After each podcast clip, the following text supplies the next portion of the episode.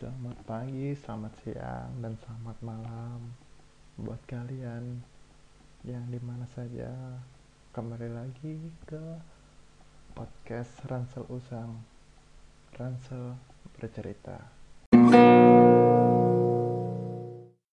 Nah, kali ini saya akan bercerita atau lebih tepatnya berbagi tips dan itinerary tentang pendakian karena beberapa waktu lalu banyak pesan-pesan di sosial media atau maupun di blog atau di email pun menanyakan tentang uh, itinerary tentang pendakian ke Binaya. Sebenarnya banyak sih, entah teman-teman malas mencari atau kurang lengkap uh, info tersedia, saya kurang tahu juga tapi di sini saya mencoba menjelaskan tentang pengalaman saya beberapa waktu lalu mm, melakukan pendakian ke Gunung Binaya. Ya berkat pengalaman yang cukup luar biasa dan susah untuk dilupakan tentang 8 hari bertahan di Gunung Binaya pada akhir tahun 2016 ke 2017 yang lalu uh, menjadi sebuah cerita yang luar biasa lah terutama terhadap saya uh, teman-teman saya Sena, Muklas dan teman-teman yang sudah menjadi saudara-saudara saya yang ada di Ambon menjadi keluarga baru saya yang membantu dan menerima saya selama Anda di Ambon. Saya ucapkan terima kasih sebelumnya. Uh, karena kalau tanpa mereka, saya dan teman-teman mungkin tidak bisa mena uh, mendaki di Gunung Binaya dan belum bukan belum sih tapi tidak bisa mengenal uh, masyarakat di Maluku itu seperti apa. Ya kita tahu sendiri mindset yang terbawa di Indonesia bagian barat orang Indonesia timur itu seperti apa? Kita sudah tahu kita sudah tahu kan mungkin citra negatif tapi pada dasarnya di sana itu benar-benar sangat ramah. Dan kalian kalau berkunjung ke Ambon ataupun ke Maluku kalian bakal uh, melihat perbedaannya sendiri. Apa yang ada di Indonesia Barat dan di tempat aslinya itu berbeda. Oke, kita kembali. Sebelum membahas lebih lanjut, saya akan menjelaskan beberapa jalur yang ada di Gunung Binaya.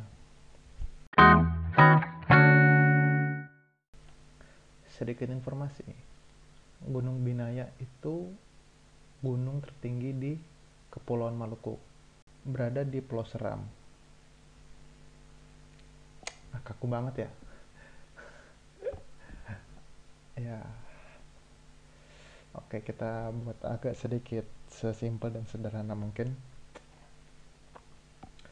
Gunung Binaya ini termasuk dalam Seven Summit Indonesia dengan ketinggian 3027 mdpl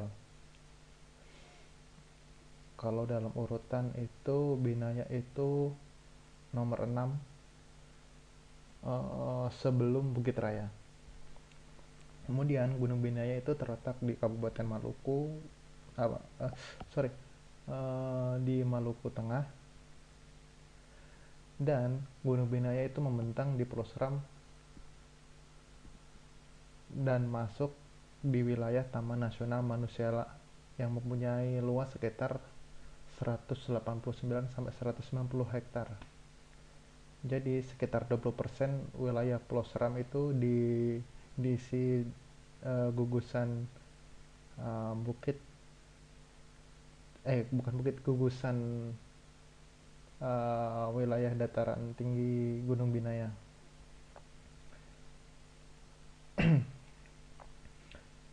uh, begitu juga Gunung Binaya itu di, dikenal sebagai nama Mutiara Nusa Inah. Uh, itu ada cerita cerita lagi legenda tersendiri kenapa ada sebutan Nus Nusaina uh, mungkin ada di cerita lain di episode lain mungkin saya akan membahas tentang apa itu Nusaina oke. Saya tadi kan sudah menyebutkan ada beberapa jalur. Nah sekarang kita akan bahas. Gunung Binaya itu memiliki tiga jalur, yaitu jalur Huaulu di utara, jalur Moso di selatan, dan jalur Piliana juga ada di selatan. Dari ketiga jalur tersebut, mem mereka mempunyai karakteristik uh, berbeda, serta jarak tempuh, tingkat kesulitan, dan durasi waktu yang berbeda juga. Oke, yang pertama kita kita masuk ke jalur hulu.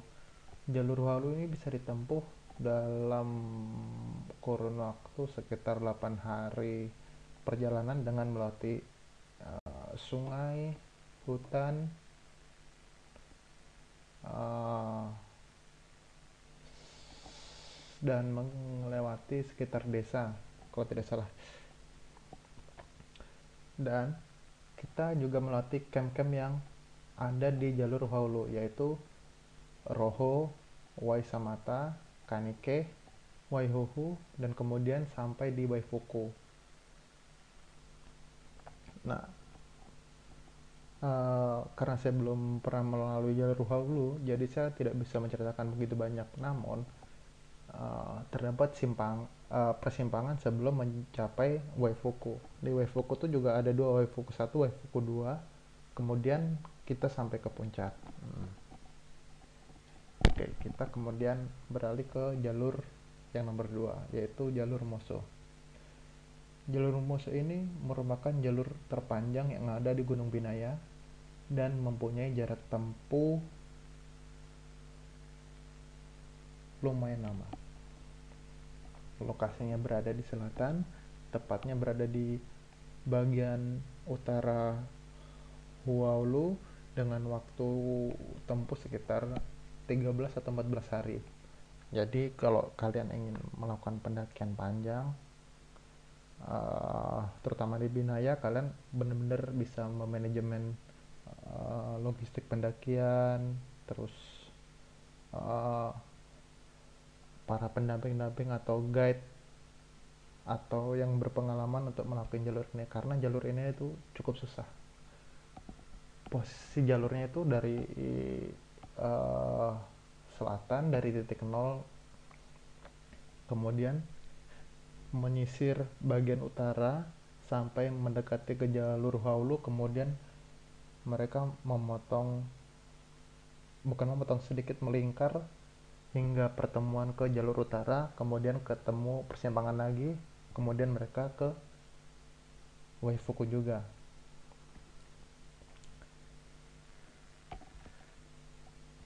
Kemudian di jalur Moso ini uh, terdapat banyak uh, hal yang bisa kita dapat, terutama yang budaya.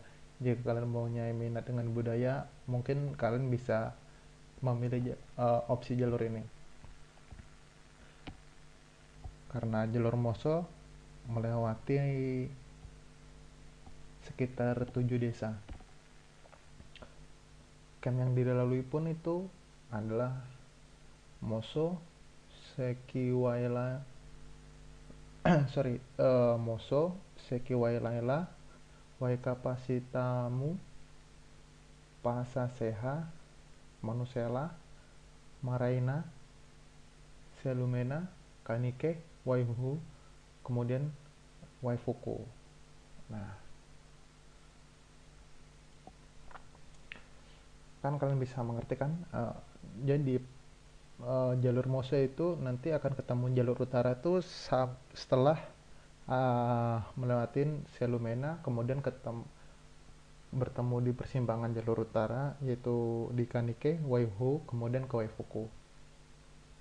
Kalau tidak salah dulu pernah ada kalau kalian masih ingat ada uh, acara TV Zero to Zero itu itu bermula itu kalau tidak salah dari Gunung Binaya karena dulu pendakian melatih jalur lama dari 0 mdpl kemudian melintas ke puncak kemudian melintas ke utara turun ke 0 mdpl nah itu kenapa disebut uh, project uh, pendakian zero to zero. Kemudian ada salah satu stasiun TV mengangkat topik serupa dengan uh, tagline zero to zero dan digunakan. Dan kemudian sekarang tidak ada ya sedikit informasi sih buat kalian semua. Saya juga baru tahu setelah melakukan pendakian itu ternyata di sana zero to zero uh, berawal. Oke okay. sekarang kita lanjut ke jalur Piliana ya jalur ini jalur yang sudah pernah saya lewatin saat melakukan pendakian ke Gunung Binaya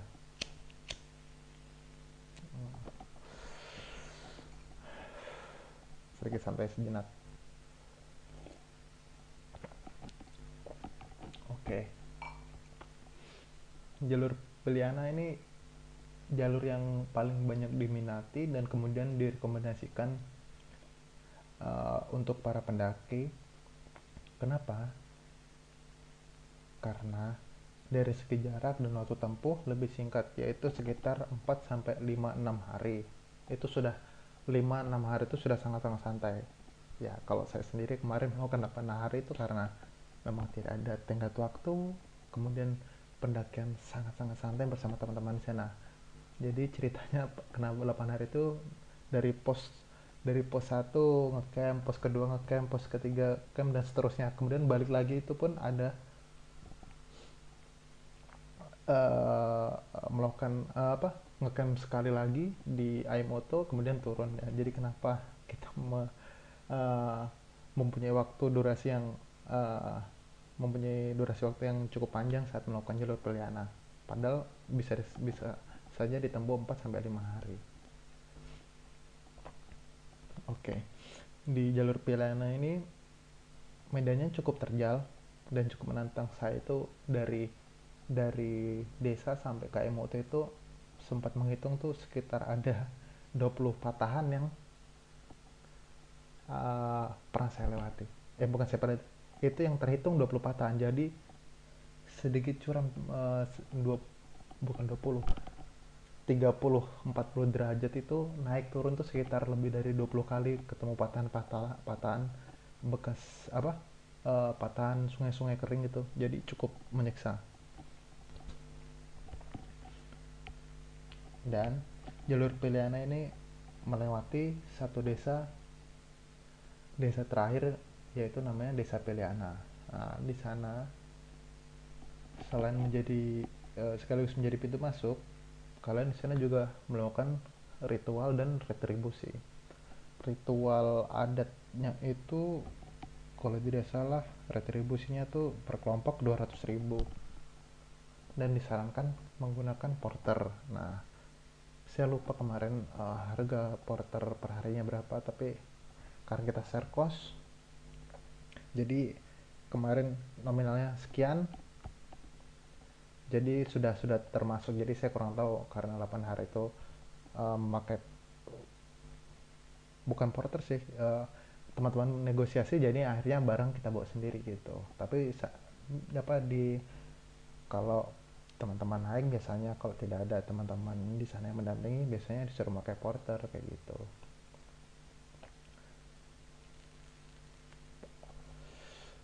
uh, setelah biasanya susunannya apa kalau saya kemarin setelah menginap di rumah beberapa raja atau ada di sana besok paginya kita ritual setelah, setelah ritual baru kita melakukan perjalanan.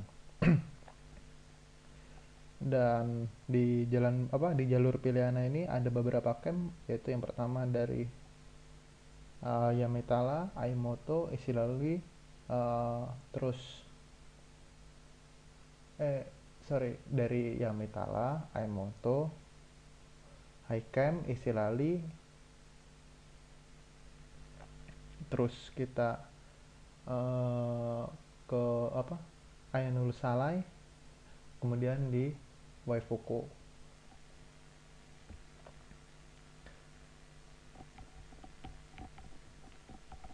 Perjalanan terus salah satu trek yang cukup cukup menyiksa terutama di jalur pilihan itu kita melewati puncak bintang. Nah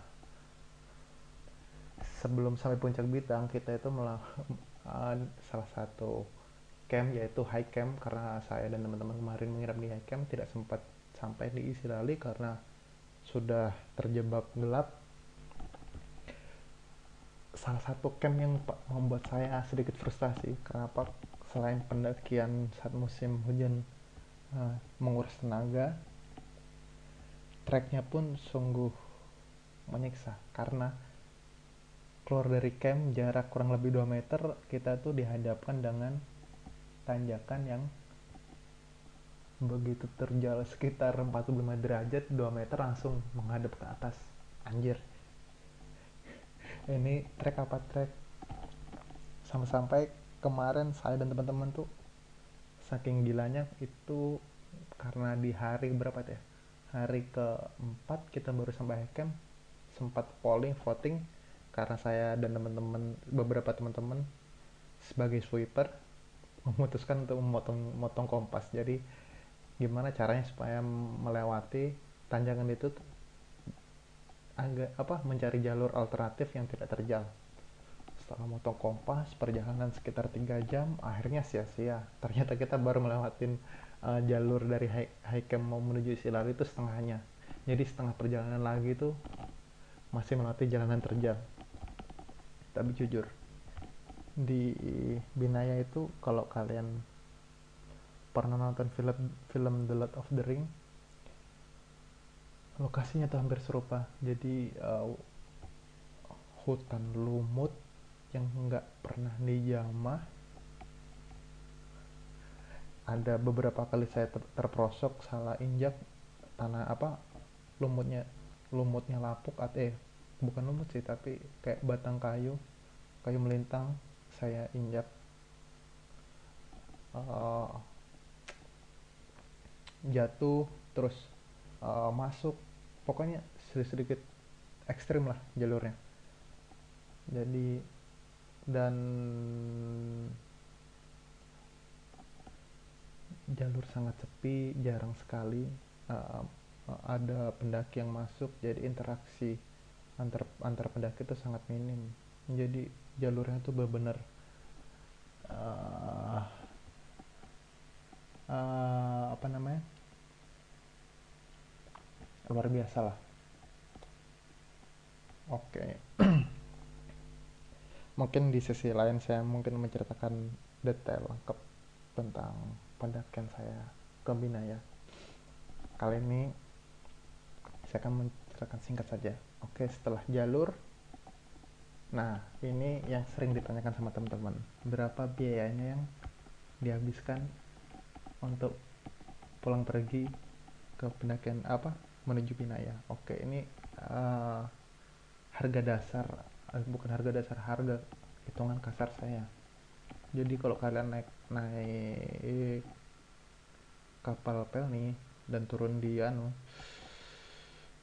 uh, eh naik kapal PL nih apa naik pesawat turun di, di bandara kalian bisa naik angkot menuju pelabuhan Tulehu sekitar 20 sampai 25 ribu per orang kemudian dari pelabuhan Tulehu menuju ke pelabuhan Namahai menggunakan kapal cepat itu sekitar 125.000 sampai 130.000 per orang. Dengan durasi sekitar 1 sampai satu dua jam kalau nggak salah naik kapal cepat itu. Lupa uh, saya berapa estimasi jarak tempuhnya. Kemudian dari pelabuhan Amahai menuju ke Tam Masohi lanjut melewati desa Tehoro kemudian ke sungai Kawanua. Itu kalian bisa menggunakan atau charter mobil uh, rental yang ada di sana. Biasanya tersedia Avanza Xenia dan sejenisnya gitu. Mobil-mobil uh, keluarga sejenisnya lah. Dan harganya tuh tentatif sih tapi saya dan teman-teman itu pernah mendap kemarin mendapat sekitar harga 100.000 per orang. Nah sebelum kalian sampai ke ke apa sampai ke desa Piliana dan sampai lupa ini perlu dicatat. Kalian harus membayar atau uh, mengurus surat perizinan pendakian atau simaksi di Masohi. Karena taman nasionalnya itu terletak di Masohi. Jadi kalian jangan sampai uh, berangkat sampai ke pidana dulu sebelum mengurus simaksi sedikit repot karena jarak dan durasi lumayan jauh. Jadi kalian nggak mungkin kan sudah sampai pidana lupa ternyata kembali lagi biaya lagi yang dikeluarkan. Jadi kemarin kalau nggak salah simaksi itu kamera dihitung juga kamera ada berapa itu di total. Jadi per kamera itu ada budgetnya sendiri per harinya berapa gitu jadi saya saya lupa kalau si maxi standar sekitar 25.000 per orang itu tergantung pendakian sih. Tapi saya dan teman-teman kemarin membayar 25.000 Iya kurang lebih singkatnya seperti itu itinerary yang bisa uh, saya bagikan.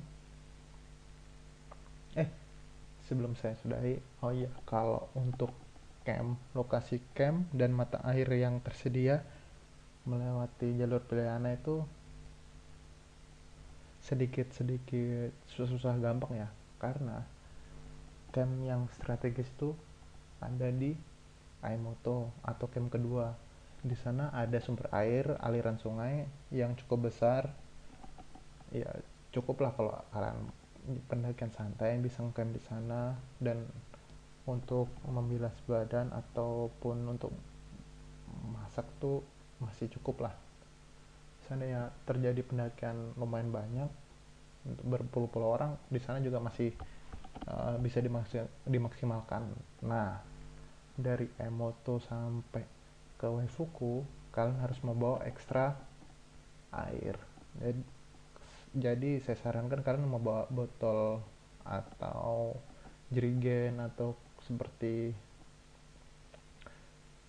uh, tempat apa kantong portable yang kotak itu masing-masing buat satu lah sekitar kalian ada lima atau enam orang ya mas dari da, paling nggak empat orang membawa air ekstra dari air moto. Karena di sepanjang jalan itu tidak ada uh, sumber mata air kecuali di di Ainusalai itu ada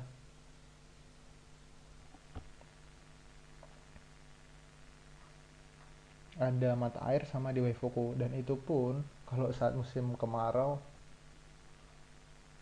juga juga sedikit susah. Eh sorry bukan bukan di Ainusalai sorry.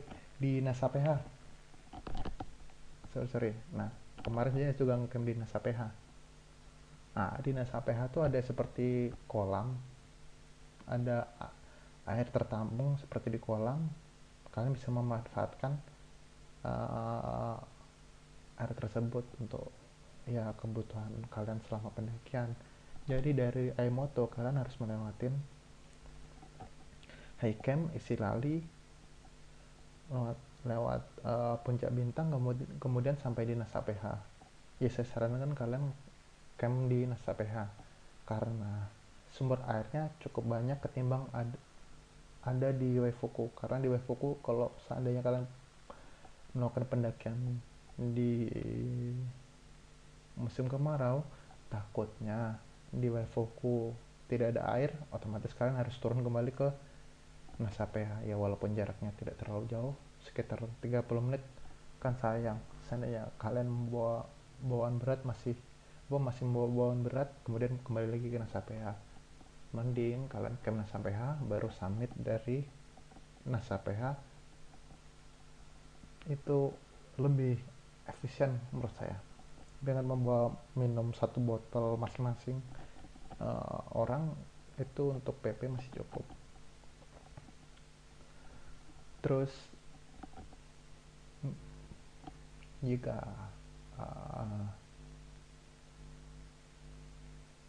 Karat Summit saya sarankan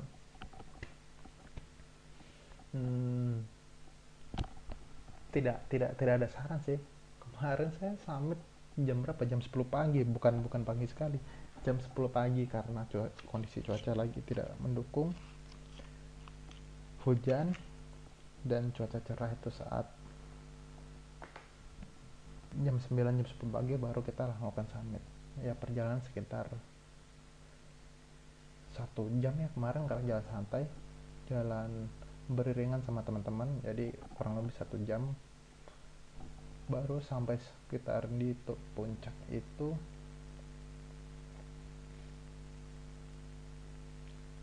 uh, kurang lebih 30 menit karena cuaca tidak bagus tidak mendukung. Kemudian uh, saya kembali lagi ke camp sebelum oh bukan nih setelah summit kita anu nginep semalam kemudian turun tuh eh sorry bukan ngecamp dari Nasab setelah summit kita packing kemudian ngecamp di high camp karena kondisi tidak memungkinkan kemudian turun lagi ke Aimoto baru ngecamp semalam lagi kemudian kembali ke Piliana. Nah itulah kenapa penelitian saya kemarin cukup panjang di Gunung Binaya. Oke seperti itulah itinerary yang bisa saya bagikan atau diterapkan untuk melakukan pendakian ke Gunung Binaya. Jadi sekarang kalian bisa mempersiapkan dan menyusun anggaran serta waktu yang cocok dan pas karena pendakian Gunung Binaya ini sedikit abu-abu kok abu-abu sih? Sedikit kadang mudah kadang sulit karena satu kondisi cuaca yang dan transportasi yang cukup susah. Ya kalau seandainya uh, perairan lagi kurang bagus kan otomatis kesulitan untuk menyeberang dari Tulehu apa dari penyeberangan Tulehu menuju ke Amahai tapi ya pesan saya sebelum melakukan penaikan binaya usahakan kalian siapkan mental dan fisik yang prima karena jalurnya memang benar-benar menguras tenaga. Kalau yang bilang uh, kalau yang pernah sudah menaik ke latih mojong susah. Mungkin uh, binaya beberapa tingkat di atas dari latih mojong atau Rinjani, ada beberapa step lagi untuk apa ada beberapa tingkatan lagi. Binaya itu ada di gunung tersebut. Sedikit teman susah jadi usahakan untuk mempunyai stamina dan mental yang luar biasa agar bisa mendapatkan sensasi pendakian yang luar biasa juga.